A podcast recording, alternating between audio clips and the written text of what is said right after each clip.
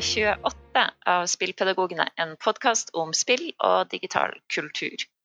I dag har vi en ekstra spesiell episode, eh, ettersom jeg har fått med meg litt kvinnelig support, eller backup. Eh, så jeg har veldig lyst til å ønske velkommen til eh, de superkule gjestene mine. Tina. Hei. Der, ja. Og Ingrid. Hei, hei. Hallo. Eh, dere har da blitt eh, kalt inn på eh, teppet her for eh, litt i anledning kvinnedagen. Eh, for å tenke høyt sammen med meg om hvordan denne dagen sin tematikk utspiller seg i spill i. Eh, og så får vi se om vi får til det eller ikke. Um, så, men først, før vi liksom hopper inn i det, så har jeg veldig lyst til at dere skal presentere dere sjøl for lytterne. Eh, så de skjønner at jeg ikke overdriver når jeg sier at dere er superkule.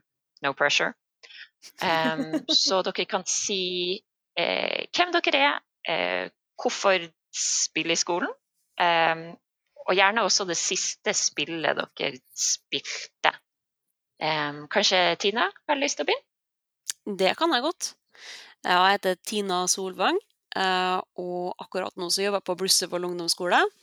Uh, og det her er mitt uh, tredje år som lærer. og jeg er 29 år gammel, så jeg kan være ung og lovende en liten stund til. Um, grunnen til at jeg bruker spill i skolen, det er jo Ragnhild sin feil, egentlig. Uh, for det var jo yes. Ja, det var Ragnhild som uh, i det hele tatt fikk meg til å innse at det går an å bruke det her fantastisk morsomme mediet i undervisninga. det hadde jeg ikke tenkt så veldig mye over før. jeg har da altså jo... ikke bedt Tina om å plugge. ja. Men det var jo så Sorry. god idé, og den, den, måtte jeg jo bare hive meg på med en gang. Uh, og spill er jo et så utrolig artig medium å bruke, og det er liksom underrepresentert i skolen ellers. Uh, for vi bruker jo alt mulig andre slags tekster. Vi er jo veldig opptatt av det som vi kaller for multimodale tekster. Og veldig opptatt av film, og det har jo fått en kjempestor plass i pensum. Så hvorfor ikke spill, som tross alt er mye mer engasjerende uh, enn en del mer tradisjonelle medium, da. Um, det, det, er veldig gøy. Elevene syns som regel det er veldig gøy. Det er ikke helt uten utfordringer, men altså, som lærere i skolen så må vi jo bare prøve å løse utfordringer når vi tenker at det har noe for seg. Og det har spill, det er jeg helt sikker på. Um, så jeg forsøker jo, så langt det lar seg gjøre, å bruke det i, i alle fagene mine, egentlig, da, som er norsk og engelsk og samfunnsfag. Um, og så spiller jeg jo sjøl, alltid vært veldig, veldig glad i eh, dataspill og videospill. Uh, og det opplever jeg egentlig som en uh, Det er en styrke av det klasserommet. Man har litt ekstra, ekstra å dra på når man prøver å connecte med kanskje særlig de tenåringsguttene. Man litt ekstra å dra på. Så det siste som jeg egentlig har lagt min elsk på av spill, det er et Switch-spill som heter Octopath Traveler. Uh, som er veldig spennende, og veldig gøy. Uh, et type mm, ja, et fantasy-RPG. Det er litt sånn à la Final Fantasy, men de har liksom tatt alle ingrediensene til et RPG, og så har de sydd sammen et utrolig flott spill av det. og det prata jeg litt om til en elev er... dagen etter kunne han komme og Hva er Må jeg forklare noe? Hva er et RPG? Hva et RPG ja. Ja. Eh, et RPG det står for role-playing game. Eh, og det vil si at man eh, spiller forskjellige rollefigurer da, i spillet, og så prøver man å komme seg gjennom de ulike fortellingene deres. Ehm, så det er, det er, spill med mye tekst, blant annet. det er spill der man må lese en del, man må forstå en del, og så gjør man kanskje forskjellige quests da, eller oppdrag for å få historien til å gå videre. Uh, og det spillet nevnte jeg til en elev av meg, og dagen etter så hadde han kjøpt det sjøl, da. Uh, så det var jo litt artig. Så man har, masse, man har jo masse elever i skolen som er kjempeglade i spill, uh, og da kan det jo være enda en arena å møte dem på i undervisninga. Så det var langt kort om meg. Hva, sa du det siste spillet du spilte òg? Ja, det, det heter Det er Octopath Traveler, heter det. OK, kan du si litt hva det er? Fordi det har ikke jeg prøvd. Det har ikke du prøvd, nei. nei det, er et, nei. det er et uh, spill der man kan uh, Man kan velge mellom åtte forskjellige roller, og hver av dem har en historie som man kan spille seg gjennom. Og så kan man sjøl velge uh, hvilken rekkefølge man har lyst til å undersøke delene av de forskjellige historiene på. Og ellers er det veldig sånn klassisk fantasy-spill, egentlig. Eh, der du har eh, du har eh, spellcasters og warriors og priests og, og thieves. Uh, og så er historiene delt, delt opp i kapittel, og så velger man sjøl i hvilken rekkefølge man har lyst til å finne ut av de her historiene. Veldig uh, godt lagd, veldig god musikk. Eh, og litt sånn retrografikk, eh, som gjør utrolig sjarmerende. Så kult. Ville du ha kjørt det i undervisning, tror du? Um, det hadde nok gått an å kjøre det i undervisning. Jeg tror det kanskje det tar litt lang tid. Jeg tror det er en stor utfordring med, med akkurat det spillet. Ja. Nei, så kult. Da er det hot tips til alle lytterne, og til meg inkludert. Uh, vi må tydeligvis uh, få sjekka opp Octopath Traveler. Riktig. Det? Ja, det anbefales. Takk, takk. Um, enn du, Ingrid? Ja, hei. Jeg heter Ingrid Lise Ham og er lektor ved Norda Grieg videregående skole her i Bergen. Eh, og sånn som eh, deg, Tina, så hadde jeg Alexander som veileder da jeg var i praksis, og derfor ble jeg jo påvirket av det her. Eh, og fant egentlig ut at dette var himla kult å holde på med. Så jeg har jo nå jobbet på Nordagrigg i snart to år nå, og holdt på en del med spill, og ja Hørt litt på eh, spillpedagoger og hørt på Alexander og Tobias, som begge to jobber der, de også. Så eh, ja Tenkte etter hvert at jeg skulle skrive masteroppgave det her når jeg skulle bli ferdig utdannet, og i fjor så skrev jeg ferdig masteroppgaven min om eh, ja, bruk av Gone Home, da, spillet Gone Home, i undervisningen. Så eh, der jeg fulgte da min klasse som jeg hadde det året, og hvordan det var å spille det med de, og hva de lærte, og hvordan de følte det gikk. Så det var egentlig en stor suksess, jeg har nå fortsatt med det et par ganger. Nå er det med det syvende gangen jeg har spilt det i år. Så jeg begynner å bli godt vant til å spille det. Eller så eh, skal jeg nå ut på noen konferanser og snakke i løpet av våren. Jeg skal både på Digra og eh, European Conference on Education i London i juli og snakke litt om denne masteren og spill og sånt, så jeg eh, er nå kommet inn etter hvert, jeg òg. Så eh, ja. Det begynner å bli eh, komme seg. Nå er ikke jeg vært en gamer tidligere, og det er vel egentlig der jeg har et litt annet perspektiv. Jeg har spilt i løpet av årene og og hatt de vanlige som Super Mario, disse som alle har spilt, og Sims og det her. Men eh, denne gamingverdenen er ny for meg, og jeg, jeg nytter godt av disse gamingguttene når jeg kjører spill i undervisningen, for de er en viktig ressurs for en som er litt eh, fersk på det med teknologi. Men eh, det kommer seg. Det kommer seg.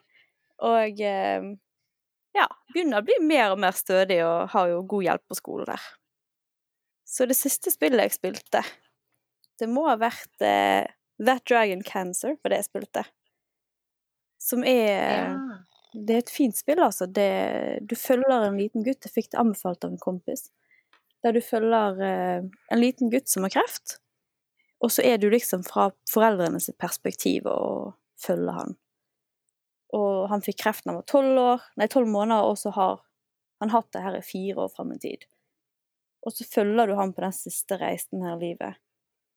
Og det jeg syns er så fint med det spillet, er at det er ganske realistisk for en som har opplevd å være i nær relasjon til noen som har gått bort av kreft, så er det Det går litt treigt, men det er også sånn det føles. Og det er også det jeg liker med spillet, at du Det er denne stillheten, og så skjer det noe, og så har det ganske fine bilder, og de har lydopptak fra han og foreldrene som snakker. Altså det, det er et veldig fint spill. Uh, og jeg tenkte egentlig å prøve det nå i klassen min til neste uke, nå før, før russen begynner med krafttak mot kreft. Som en sånn innsamling de har på skolen Ja. hvert år. Mm. Mhm. Tenkte å se om det hadde noe effekt der. Hvordan det ble mottatt. Det var en uh, lur kobling. Ja, jeg eh, er frivillig i Kreftforeningen, så det er jeg som styrer Krafttak mot kreft på skolen òg. Som er ansvarlig der. Så jeg tenkte en liten kombo, så ser vi hvordan det funker. Um, mm. Du må Ellers så, eh, eh, komme tilbake og fortelle oss hvordan det går. Ja, det skal, jeg- det skal jeg gjøre. Høre om det er en suksess. Nei, så det er fortsatt fersk lærer, men eh, trives veldig godt med det å bruke spillundervisning. Altså, det er skikkelig kult. Så bra. Jeg har jo eh, holdt på å si håndplukka litt eh, eh, unge kvinnelige spillpedagoger her, så ja. Vi er kanskje litt eh, homogen masse sånn sett, men i hvert fall litt annerledes enn det som vanligvis er på spillpedagogen. eh, men jeg beit meg fast i noen ting som dere begge snakka om nå, bare i introduksjonene deres. Forresten, velkommen. Ja, igjen. Jeg er en veldig dårlig vert. Ja, vær så god, vær så god. uh, dere eh, nevnte begge eh, gamergutter. Eh, og da lurer jeg på hvor, i deres erfaring eh, i klasserommet, hvor sterk er den, det bildet? Finnes det gamerjenter? Eh, kan man snakke om det? Eller er det det her eh, det bildet av den gamergutten fortsatt eh, det dominerende, tror dere? Jeg tror det er bildet av den gamergutten. Ja, det er veldig, i veldig stor grad eh, i livet det, altså. I, eh, i eh, korridorene på skolen, blant annet. Man kjenner dem igjen. Uh, og det snakker snakka om guttegjengen som har med seg switchen på skolen for å kunne spille Smash i friminuttet, liksom. Um, og man tenker jo kanskje veldig fort på de her guttene som driver med spill, og jeg tror det er fordi man, man tenker dataspill og videospill, og så ser man for seg Minecraft og Call of Duty og uh, Grand Theft Auto, og så er det mange av de her spillene som liksom er lagt opp kanskje særlig til gutter eller guttete interesser. Eller det som vi forbinder med gutteinteresser. Mm. Men uh, det som er litt sånn Det som jeg syns er veldig artig, da, det er jo at man har jo nesten alltid en sånn dataspill-farsott som går på skolene uansett. Og der er jo jentene i like stor grad med. Sånn som i det siste nå, så kan jeg jo ikke ha en time uten at jeg må be noen om å legge bort Slope, som er et sånn browser-basert spill, der man finner en ball som går i sånn kjemperask hastighet da, gjennom en bane. Og så skal man prøve å slå og liksom være best på å få den ballen gjennom banen. Og det er jo like mye jentene som guttene faktisk som holder på med det. Så når det kommer til litt sånn lavterskel browser-baserte spill, tror jeg jentene liker spill like godt som gutta. Men guttene har kanskje oftere en konsoll hjemme og bruker kanskje mer fritid på spill, da. Er det sånn på Nordahl Grieg? Ja, altså det er Det er godt spredd. Vi har, eh, vi har fått en sånn gaminggjeng som eh, styrer på gamingrommet vårt, og holder det veldig fint å få lov til å være der i fritimer og sånt. Og der er det kommet en, en del jenter også etter hvert, og det syns jeg er veldig fint, for nå har de muligheten til å samles og faktisk holde på med det de er interessert i. Og så varierer litt hva spill som går i timene, men det er noen der òg, altså. Det er noen salig blanding av det og jo TikTok. Så eh, Men det er noe med disse browserspillene som er såpass tilgjengelig at det, det skal så litt til for å klikke seg inn på de i forhold til Eller i motsetning til eh, å laste ned og kjøpe et spill. At jeg føler det, det drar så mye lettere med flere, og det blir en liten konkurranse i klassen da med resten. Så der føler jeg kanskje det er flere jenter som også henger seg på enn det å gå hjem og kjøpe et spill. Men vil det si at dere ikke har Finnes det ikke eh, de her hardcore gamerjentene? Er de ikke synlige i skolemiljøet? Altså, de finnes jo, men er de ikke synlige? Jeg har sett etter dem, men jeg har ikke funnet dem enda der jeg er nå. Vi har noen sånn eh, de, de, Det var jo noen litt sånn nerdejenter, som jeg kaller dem, som jeg sterkt identifiserer meg med. Men uh, de er kanskje mer opptatt av fantasy-litteratur eller k-pop og anime og manga. Og, uh, og der da så overlapper de til en viss grad med de her gameguttene i, i sosiale mm. sammenhenger. Men uh, Og så vet jeg jo at noen, noen av dem snakker om at jo, jo, har vært med hjem og spilt Smash Brothers, men er så dårlig på det, og guttene er så mye bedre, og Det er noe mm. rart eh, med det. Jentene er kanskje mer sosiale spill, altså så spill der de spiller mot hverandre eller kan sitte i, i gruppe, da. Mm, og vi er så, jeg er så vant til å spotte kjapt disse som jeg tenker er gamergutter. Og så er liksom disse gamerjentene litt mer skjult, og plutselig så dukker de opp og kan eh, vel så mye som guttene, og nesten mer. Men det er vanskeligere å spotte de, syns jeg. De gjemmer seg greit. Vi er undercover. Mm. mm. og tar det frem bare når vi, når vi må. Men ville du eh, Ingrid, du sa jo at du ikke eh, spilte noe særlig før utover liksom det som, det som alle gjorde, skulle jeg til å si. Vil du, mm. vil du si at du er en gamer nå? Begynner å nærme seg mer. Eh, men jeg ville kanskje ikke sagt at jeg er det helt ennå. Altså, jeg føler, føler, meg litt som en nybegynner ennå. Så jeg kjenner på at det, eh, det er når lærerne sier til meg ja, men jeg skjønner ikke hva hvordan og hvordan vi skal ordne det her, og sier vet du hva, vi er på akkurat samme side, for jeg har sittet med akkurat det samme. Så det er en mm. fordel med den, i den forstand at jeg forstår hvor de står hen, men samtidig så føler jeg at jeg skulle gjerne kunnet mer. Jeg skulle gjerne brukt mye mer tid på å sitte meg inn i alt det her og kunne så mye. Men uh, det kommer seg etter hvert. Men jeg ville ikke kalt meg en gamer helt ennå, altså. Føler meg fortsatt uh, litt rookie her. er det en sånn eh, mystisk eh, terskel som eh, ja. man plutselig bare krysser, kanskje? Tina sa jo at hun syntes det var kjekt å ha en spillebakgrunn med bruk av spilleundervisninga, men du uh, har jo på en måte opparbeida den etter hvert. Ser dere noe Ok, det er et litt sånn kleint spørsmål, da, men ser dere noen liksom, fordeler eller ulemper med, med det? Jeg tenker at det kanskje er en uh, fordel å komme utenfra og inn også, for å si det på den måten. For da går man kanskje inn i det med den nysgjerrigheten med å, hvordan kan jeg bruke det her nye mediet til undervisning? Uh, og kanskje at man tilnærmer seg det fra liksom, først og fremst et pedagogisk perspektiv, og så går man inn i teksten, som i dette tilfellet er spillet.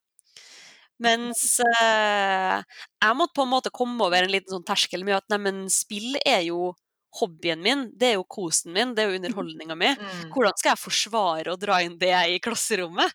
Så at man kanskje kan, Jeg tror det kan være en like stor fordel å komme fra en, en ikke-gamer-bakgrunn. Det jeg tenker på som min store fordel ved å ha, ha, hatt gaming som en hobby lenge, da, det er jo litt det her med at uh, jeg kjenner igjen kontrollene i spillene, jeg forstår det tekniske eh, i stor grad, og kan eh, bonde litt grann, da, med noen av elevene mine over den felles interessen. Ja, og det der jeg mm. har også følt at jeg har kommet litt kort, at jeg har savnet den tryggheten det bringer med seg. Det har vært greit å Jeg ser jo på spillene jeg spiller som regel med pedagogiske briller her, og så tenker Jaha, ja, men dette her er jo en god vinkling, og sånn her kan jeg gjøre det her. Og det å spille spill for spillets skyld jeg begynner å bli vanskeligere, altså. Det å, å bare se på det som en hobby. For nå er jeg blitt så preget av det her, hvordan kan man gjøre dette, og, og finne nye ting hele tiden som gjør meg så gira, da. Eh, men samtidig det å kunne ha den tryggheten og hobbyen som ligger i det gamerblikket, det tror jeg er en stor fordel, altså. Så egentlig så må man bare ha begge deler i et ja. team. det tror jeg. Så det er en oppfordring til alle skoler der ute om å sørge for at man har begge deler. ja. God kombo.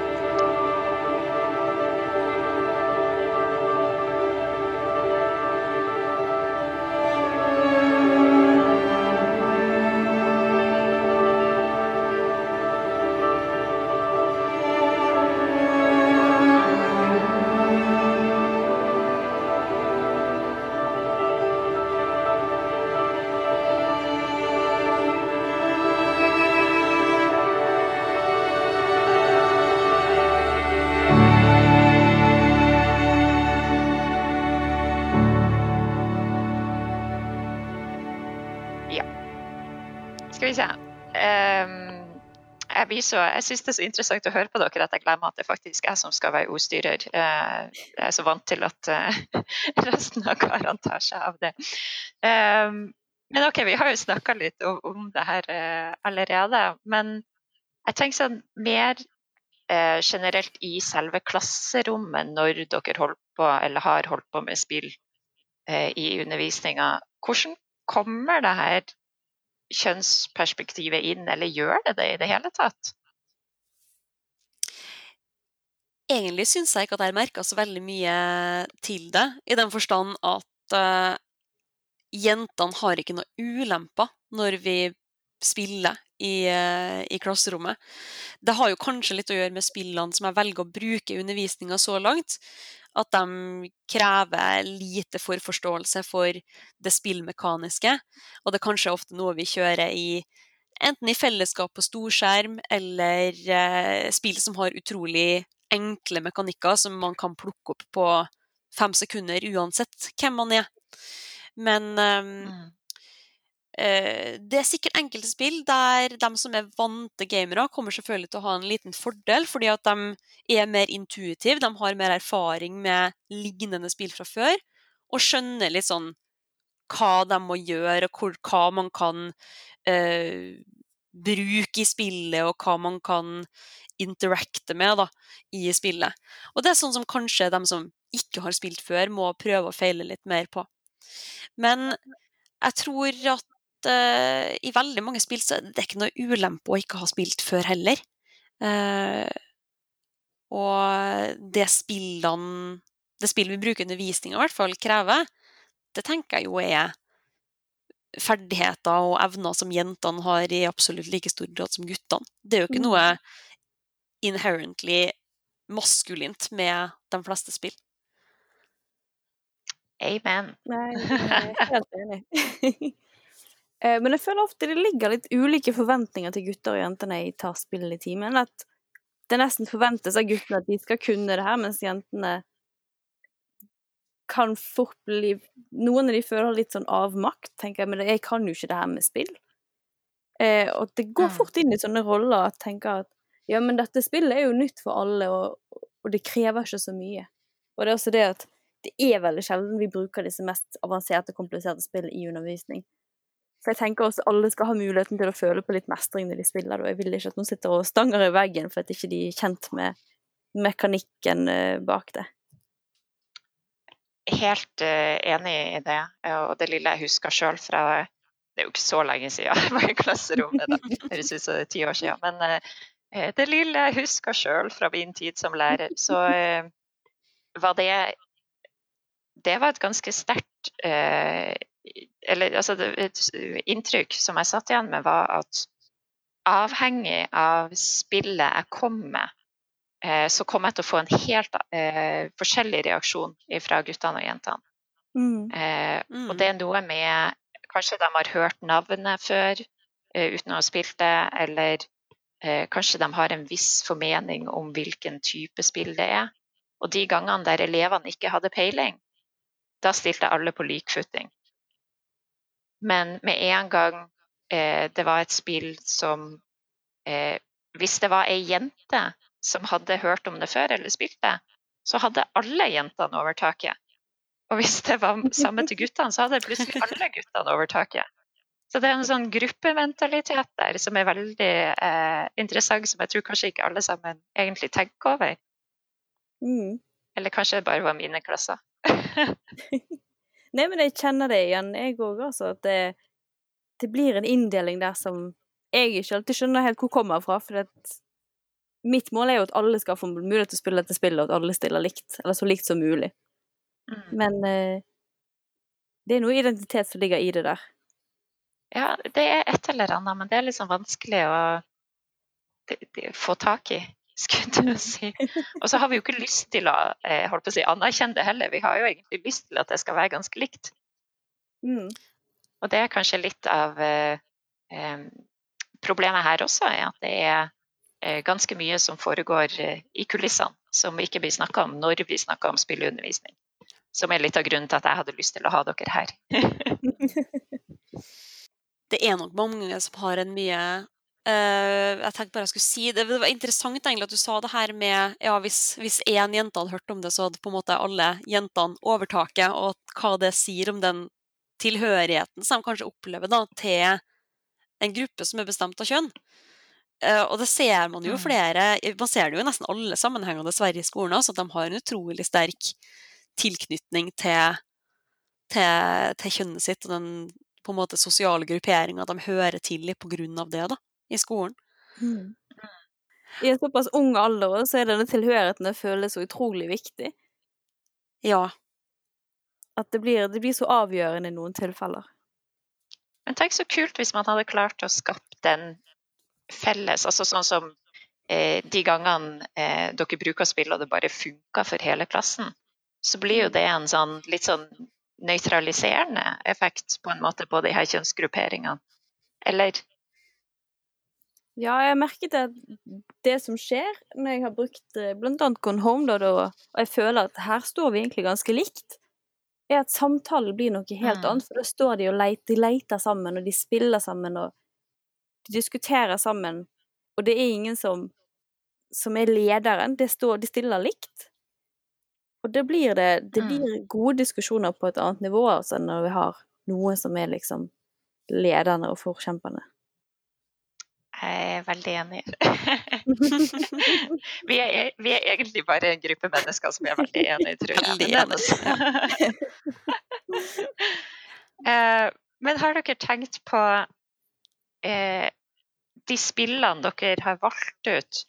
Har dere tenkt over eh, hvordan det her er fremstilt i dem? Fordi altså, både Gone Home og eh, Life is Strange og sånne spill som vi ofte har snakka om i forbindelse med spill i skolen, er jo kvinnelige hovedroller. Ja, jeg tror kanskje Eller? at man, man, ender kanskje opp Hvis man først skal begynne å tenke på kjønn eh, når man eh, bestemmer seg for at man skal bruke et spill i undervisninga, så vil kanskje mange innsiktlig tenke at å, nå er det viktig at jeg ikke ekskluderer jentene. Og at man da kanskje et spill med f.eks. en kvinnelig hovedperson, eller tematikk som er knytta opp mot noe jentene kan kjenne seg igjen i, da. At det liksom blir lettere å velge det. Og tenke at det da er noe jentene interessert, selv om det er et dataspill. Og, uh, og det, trenger jo ikke å, ikke å stemme i det hele tatt. Uh, men det er kanskje en sånn mm en sånn eh, tendens, da. Eh, jeg har tenkt det sjøl av og til. Uh, og den gangen jeg skulle velge meg ut et, uh, et spill å bruke undervisning til en ren gutteklasse, da valgte jeg meg et spill som heter Firewatch. Der man spiller en mannlig hovedperson som flytter ut i et sånn skogvoktertårn i en skog i Amerika, uh, og så skjer det mystiske og litt skumle ting. Um, og jeg vet ikke om jeg, jeg tror ikke jeg satt og sammenligna Firewatch med Gone Home for eksempel, og bestemte meg for at jeg måtte ta Firewatch fordi at det hadde en mannlig hovedperson. Jeg tok det vel litt fordi at jeg syntes det så ut som et utrolig artig spill, og tenkte at det sikkert kunne fenge. Men om jeg hadde tatt den runden med meg sjøl, så hadde jeg sikkert fortsatt landa på Firewatch, for jeg ville tenkt at det syns de kanskje er mer spennende og lettere å øh, relatere seg til. Og da tenkte jeg, ville jeg også tenkt at da slipper jeg den barrieren. For der var det noen gutter som kanskje fort kunne ha blitt litt sånn åh, teit jentespill. Eller som kunne ha blitt litt sånn tøff i trynet på at tematikken er litt Kanskje litt sånn litt sensitiv. Uh, så for å unngå noen sånne ting, så uh, ville jeg sikkert fortsatt ha landa på Firewatch. Mm. Men er det uh, Unnskyld, Ingrid, hadde du noe Nei, jeg var, jeg, jeg var helt enig, altså. At det er ofte det her at jentene tenker ja, men noe med følelser, det appellerer til alle. Og så er det jo det med Gone Home og, og slutten der at ja, guttene er av og til litt skuffet, og det var mye kliss og følelser der som ikke de var helt fornøyd med. Men jeg tenker, jeg tenker det funker til alle, fordi at de blir engasjert, men de blir engasjert på ulike måter. og det hadde det vært en ren gutteklasse, så hadde det nok påvirket hva spillet valgte, altså. Og det er jo, det er jo litt merkelig. Det er jo individer, de òg. Ja, men de har godt av å ha litt klisjé innimellom, altså. absolutt. Absolutt. Og det er, litt, eh, det er litt derfor vi setter jo egentlig en slags kanon for hva spill i undervisninga er, vi som holder på med det. Eh, eller dere som holder på med det. Eh, og da er det kanskje Selvfølgelig, det er jo avhengig av klassen din osv., men jeg tenkte veldig på det her for noen få episoder siden når jeg sa Jeg begynte å snakke om eh, et spill som heter Unmanned, der man styrer en eh, dronepilot eh, som dreper folk på dagen, og så drar han hjem og spiller eh, skytespill med sønnen sin på eh, kvelden. Eh, og etter jeg hadde snakka om den, så ble jeg bare sånn grepet av å herlighet. Enn hvis dette spillet blir tatt med inn i masse klasserom uten at de har tenkt over hva det faktisk er det spillet. For det er en, det er en hvit middelaldrende mann som dreper eh, mest sannsynlig det som fremstilles som mørkhuda mennesker, eh, og har all makta, ikke sant. Mm. Eh, så etterpå så fikk jeg litt sånn støkk i meg, bare sånn Oi, har jeg anbefalt det her nå til masse folk? Eh, men det er kanskje verdt å tenke over når man tar med Jeg vet ikke om vi gjør det når vi velger filmer til klasserommet, f.eks. Men jeg tror de fleste gjør det når de velger litteratur. Ja, ja. det er egentlig litt rart. Vi har eh, ofte et annet blikk på hva filmer vi tar inn, enn sånn som litteratur og videospill. Men de har mye av det samme symbolikken og hva som skjer. Og, uh, og det krever jo fortsatt en diskusjon i etterkant og noen oppgaver som hjelper litt til. Og at vi som lærere er å styre hvor vi vil dette skal gå hen, da. Mm. Så det, vi kan ikke ukritisk bruke spill, eller bare gi dem et spill og tenke at nå lærer de noe her. Jeg tenker man, eh, man velger jo alle, alle, tekster med litt omhu, og det er jo ikke fordi at det er jo ikke fordi at man ikke vil utfordre elevene, for det vil vi jo. Og de har veldig godt av å møte eh, tekster som ikke er supernær deres egne oppfatninger og egne interesser. Men vi vil jo også at de skal følge med og få noe med seg. Og vi, må, vi forsøker jo å fengsle dem på noe vis. Og, og, det er jo det vi gjør både når man velger ut litteratur og også filmer, tenker jeg, og spill. At vi tenker litt over eh, Treffer jeg dem, eller bommer totalt? Og hvis jeg bommer totalt, får de noe ut av denne timen? Mm. Mm. Ja, det er disse opplevelsene jeg vil de skal få, som man kan få gjennom spill. Som er kan være ganske unike, altså. Men så er det ikke alltid de får disse opplevelsene vi vil de skal få, og så går det litt deretter. Som er både det fantastiske og kjipe med å bruke spill i undervisninga. ja. Du aner ikke hva de tar med seg til slutt. Um, så eh, alle lærerne som hører på, dere må gjøre som vi alltid sier, dere må bygge opp, og så må dere debrife etterpå. Og så får dere krysse fingrene og håpe på det beste. Ikke sant? Det er sånn man gjør spillundervisning, er det ikke det? ja.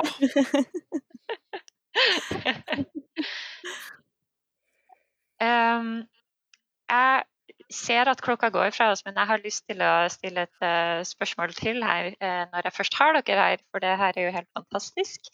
Uh, og jeg lurer på om dere som kvinnelige lærere som bruker spilleundervisninga, noen gang har møtt noen utfordring med det overfor lærere eller andre voksne eller elever? Ja. Både større motstand fra lærere enn fra elever. Eh, mange ja. lærere som har den oppfatning av at de spiller vel nok allerede. Hvorfor skal vi ha mm. spill inne i timene? Hvorfor skal jeg spille i undervisninga mi? Eh, og jeg, jeg, skjønner jo i utgangspunktet hva de mener, men nå er det jo ikke sånn at vi skal legge opp undervisninga sånn at de skal sitte der og spille spillene de alltid spiller. Vi har jo igjen lyst til å vi har jo valgt noe med noe tematikk eller noe som vi tenker de skal ha, ha en opplevelse og noe lærskap ut av. Men jeg tror det er mange lærere som uh, setter seg litt på bakbeina rett og slett fordi de er litt redd for å prøve det. Det er nytt. Det fremstår kanskje som vanskelig. logistikken kan være utfordrende. Og at de rett og slett ikke orker eller har lyst til å bruke den tida på å sette seg inn i hvordan i all verden skal det her fungere.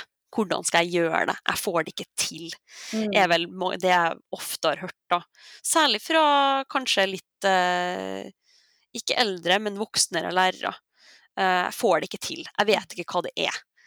Eh, det er, ikke, det er ikke, alle som er som, eh, som deg, Ingrid, som eh, ikke har gamerbakgrunn, men likevel ser at her er det noen veldig stilige muligheter. Det her må jeg prøve å bli god på. Det er en ressurs i undervisninga. Det er ikke alle som eh, tar den. Nå står det jo i læreplanen. Ja, og det er det som er så fint, at nå kommer det inn der òg, mm. altså. At du slipper ikke unna så mye lenger. Men uh, jeg hører det når jeg òg, selv om jeg er ferskis og jeg er nå bare 25. Så um, kommer jeg her da som en ung jypling og skal snakke om hvor bra og kult dette her er, og hvordan det kan være ressurs. At mange er de er veldig komfortable i sine måter å undervise på, som sikkert er kjempebra, de òg. Eh, og er litt sånn Ja, men det krever tid, og det krever energi som ikke de er villige til å gi, da. Mens det kanskje ikke er en så høy terskel som mange vil ha det til, tror jeg. Eh, og det er egentlig det som jeg har følt på en del, at det krever ikke nødvendigvis så mye som man tror. Men du må også tørre. Du må ha litt guts, tenker jeg. Mm. Eh, og så er det lov å bomme. Det er ikke noe farlig om, om ikke du kommer gjennom det du vil. Da lærer man av det òg, og så ser elevene hva, hva, som funker og ikke funker. Vi, vi spiller jo på laget, tross alt. Vi skal nå til samme mål, hele gjengen. Um, men at det er, det er noen mentale sperrer der som er, som er vanskelig å få ned, altså. Mm. Og det du sier der, er jo akkurat det spillene gjør. Altså, du må feile i spill for å komme deg videre i spill. ja. Men eh, Forstår jeg dere rett da i at kjønn Altså at dere, det at dere er kvinner, ikke er så viktig som det at dere er unge? Nei, jeg føler heller på det at jeg er ung, altså. At det ja. der at det fort kan bli litt hun unge og uerfarne, framfor at jeg er dame. Eller jente, eller hva du skal kalle det. Ja, jeg har faktisk ikke møtt noe, noe motstand eh, pga. at jeg er dame, altså. Mm. Eh, og der tror jeg kanskje også det har noe å gjøre med spillvalg. Hva man tar med seg inn i timen. Eh, mm. Tok med meg Firewatch inn i uh, gutteklassen min på, uh, på Chem. Det jeg tror nesten de ble litt imponert. Ja. De visste av spillet. De hadde lest reviews, eller de hadde sett uh, Let's Plays og visst på en måte at de Eller de syntes allerede at det var et kult spill, da. Tror ikke de hadde forventa at jeg skulle komme drassende med det inn i klasserommet. Mm. Det er nesten en fordel til tider. Ja. Du er litt hun kule eh, jenten, damen, som eller læreren, som prøver noe nytt. Man kan overraske. Ja, akkurat. Mm. Bryter litt med de forventningene de kanskje har. Det er, det er akkurat det samme jeg husker òg. At uh, jeg fikk sånn Hæ? Spiller du spill? Og liksom sånne helt sånn idiotiske kommentarer. Bare sånn Ja, altså, halve verdens befolkning gjør det. Men uh, um, det, det funka ganske lenge som en sånn boost, at de blir litt ekstra nysgjerrig. Så mm. hvis det er noen damer som hører på som er litt skeptisk, så må man bare uh, kjøre på. For det, det går eh, stort sett din vei. Mm. Eh, men målet etter hvert er jo at det skal bli så normalisert at man ikke tenker over det eh, lenger. Men da må kanskje de heller, de som er litt godt voksen og har vært i gamet, at de tar litt ekstra høyde for det her. Og prøver å la seg fenge litt av ungdommen. Ja, og det er det, det er mange som gjør også. Det er lett å si når vi er ungdommen, da. Ja, Men det er mange ja, som gjør det, det også. Det var ikke meninga å, å uh, rakke ned på noen av det noen av lærerveteranene som vi jobber med. For det er mange som er kjempenysgjerrige, ja. og det er veldig artig. Og de vil gjerne ha hjelp, og de vil ha tips og, mm. og råd. Og jeg har også blitt invitert med inn i timer for å gjennomføre opplegg med spill. Sånn at de har kunnet få se det, og også vite at de som den som tar opplegget, kjenner til det og vet hva de gjør, sånn at eh, undervisninga går mest mulig smooth. Da. Og det er kjempeartig! Mm. Uh, veldig velkomment. Veldig strekt. ja. å hoppe på. Ja. Jeg forstår jo at det er behagelig, og når de kan det så godt, så er det krever en del altså å prøve noe helt nytt. Så moralen er, som Ingrid så fint sa i stad, å tørre. ja. Og kanskje å utnytte de, eh, altså hele spekteret man har rundt seg. Eh, hvis, man, hvis, man, har folk rundt seg. Hvis ikke så kan eh, Ingrid og Tina ringes opp etter denne episoden, og så kommer de og hjelper dere. Alltid tilgjengelig for oh, ja. spilltips til undervisninga. Alltid. Klokka tre på natta, bare å ringe. Jeg må ikke si det her, vet du. Da Nei, ikke gjør det plutselig.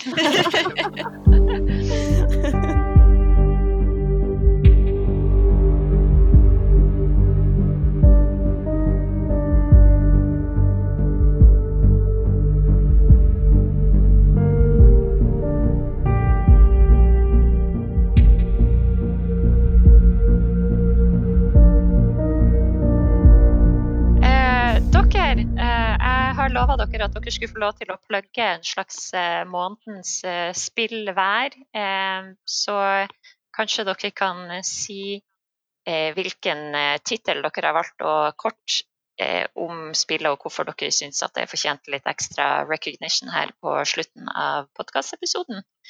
Hvis Tina igjen hadde lyst til å begynne, siden vi har ei rekkefølge nå. det kan jeg. Eh, da skal jeg plugge et spill som jeg har eh, brukt flere ganger i undervisning. Eh, og som jeg egentlig har hatt ganske god suksess med, syns jeg. Og det er i tillegg et veldig lett spill. Og det er et spill som heter The Oregon Trail. Og det er et spill fra 1990, med andre ord en veldig fin årgang. Og spillet ble faktisk designa for undervisning. Eh, men har neppe blitt brukt så utrolig mye i Norge. Eh, og det er et eh, spill der man spiller et vognfølge som skal reise på Oregon-stien, eller Oregon-veien, i USA på midten av 1800-tallet. Og spillet er superenkelt. Eh, det går an å finne det gratis i nettleser, som gjør det veldig lett å kjøre undervisning. Eh, og har brukt det i sammenheng med ja, når vi har lært om USA eller amerikansk historie, bare for å gjøre noe litt annerledes i et par timer. Uh, det er supergøy. Jeg pleier å legge opp en skriveoppgave sammen med deg. Elevene syns det er artig. Det er veldig lav terskel for å spille det. Funksjonene er kjempeenkle. Uh, og så er det jo et sånt spill som prøver liksom å, uh, å simulere da, hvor utrolig livsfarlig det var på denne, på denne turen. Så har man jo en utrolig morsom time der elevene sitter og, sitter og roper 'Nei, ble han bitt av en slange?' 'Nei, hvorfor ble han borte?' Hæ, døde han? og som regel når jeg kommer bort for å spørre hvordan går det, så går det ikke så bra, de har fått meslinger. Det er liksom eh, sånne, sånne, situasjoner. Og det pleier å sette dem sammen i par. La dem spille det. Tar ikke så fryktelig lang tid, tar under en time å komme seg gjennom, eller å mislykkes fullstendig. Eh, og det er veldig artig. Brukt mange ganger. Anbefales eh, varmt. The Oregon Trail. Men jeg har veldig lyst til å prøve å kjøre det sammen med eh, et tilsvarende spill som heter When Rivers Were Trails, som er skrevet fra Native American, nei, jo, Native American-sida av den historien. Så du får liksom både the settlers som kommer innover i USA, men så får du også eh, de som er der fra før av. Um, så hvis uh, Ingrid eller Tina eller noen der ute i nær framtid skal ha om en sånn type tematikk, så, uh, og dere tester begge spillene i undervisninga, vær så snill å si fra hvordan det går. For det mm. har jeg ikke fått gjort. Det høres kjempespennende ut, og det skal jeg huske å ja. få gjort. Mm. Herlig. Og da, da, er det din rapport til neste gang eh, dere begge kommer på podkasten. Um, enn du, Ingrid? Ja, det spillet jeg er inne på for tiden, det heter Orwell. Og jeg eh, fikk ja. tipset om det, og det var et kult spill, altså. Det handler om at du eh, jobber i kjølvannet av en terroristhendelse, da, og får tilgang til kamera og, og skal følge, ut, følge, visse personer og finne ut hvem som egentlig står bak det her. Og etter hvert som du spiller videre, da, så får du tilgang til mer og mer. Du får høre på telefonsamtaler, du får lese meldinger, og hva mail har de slettet, og hva har de søkt på, hva, hva har de postet om på bloggene sine. Og så etter hvert så dukker det opp meninger som de har som motsier hverandre.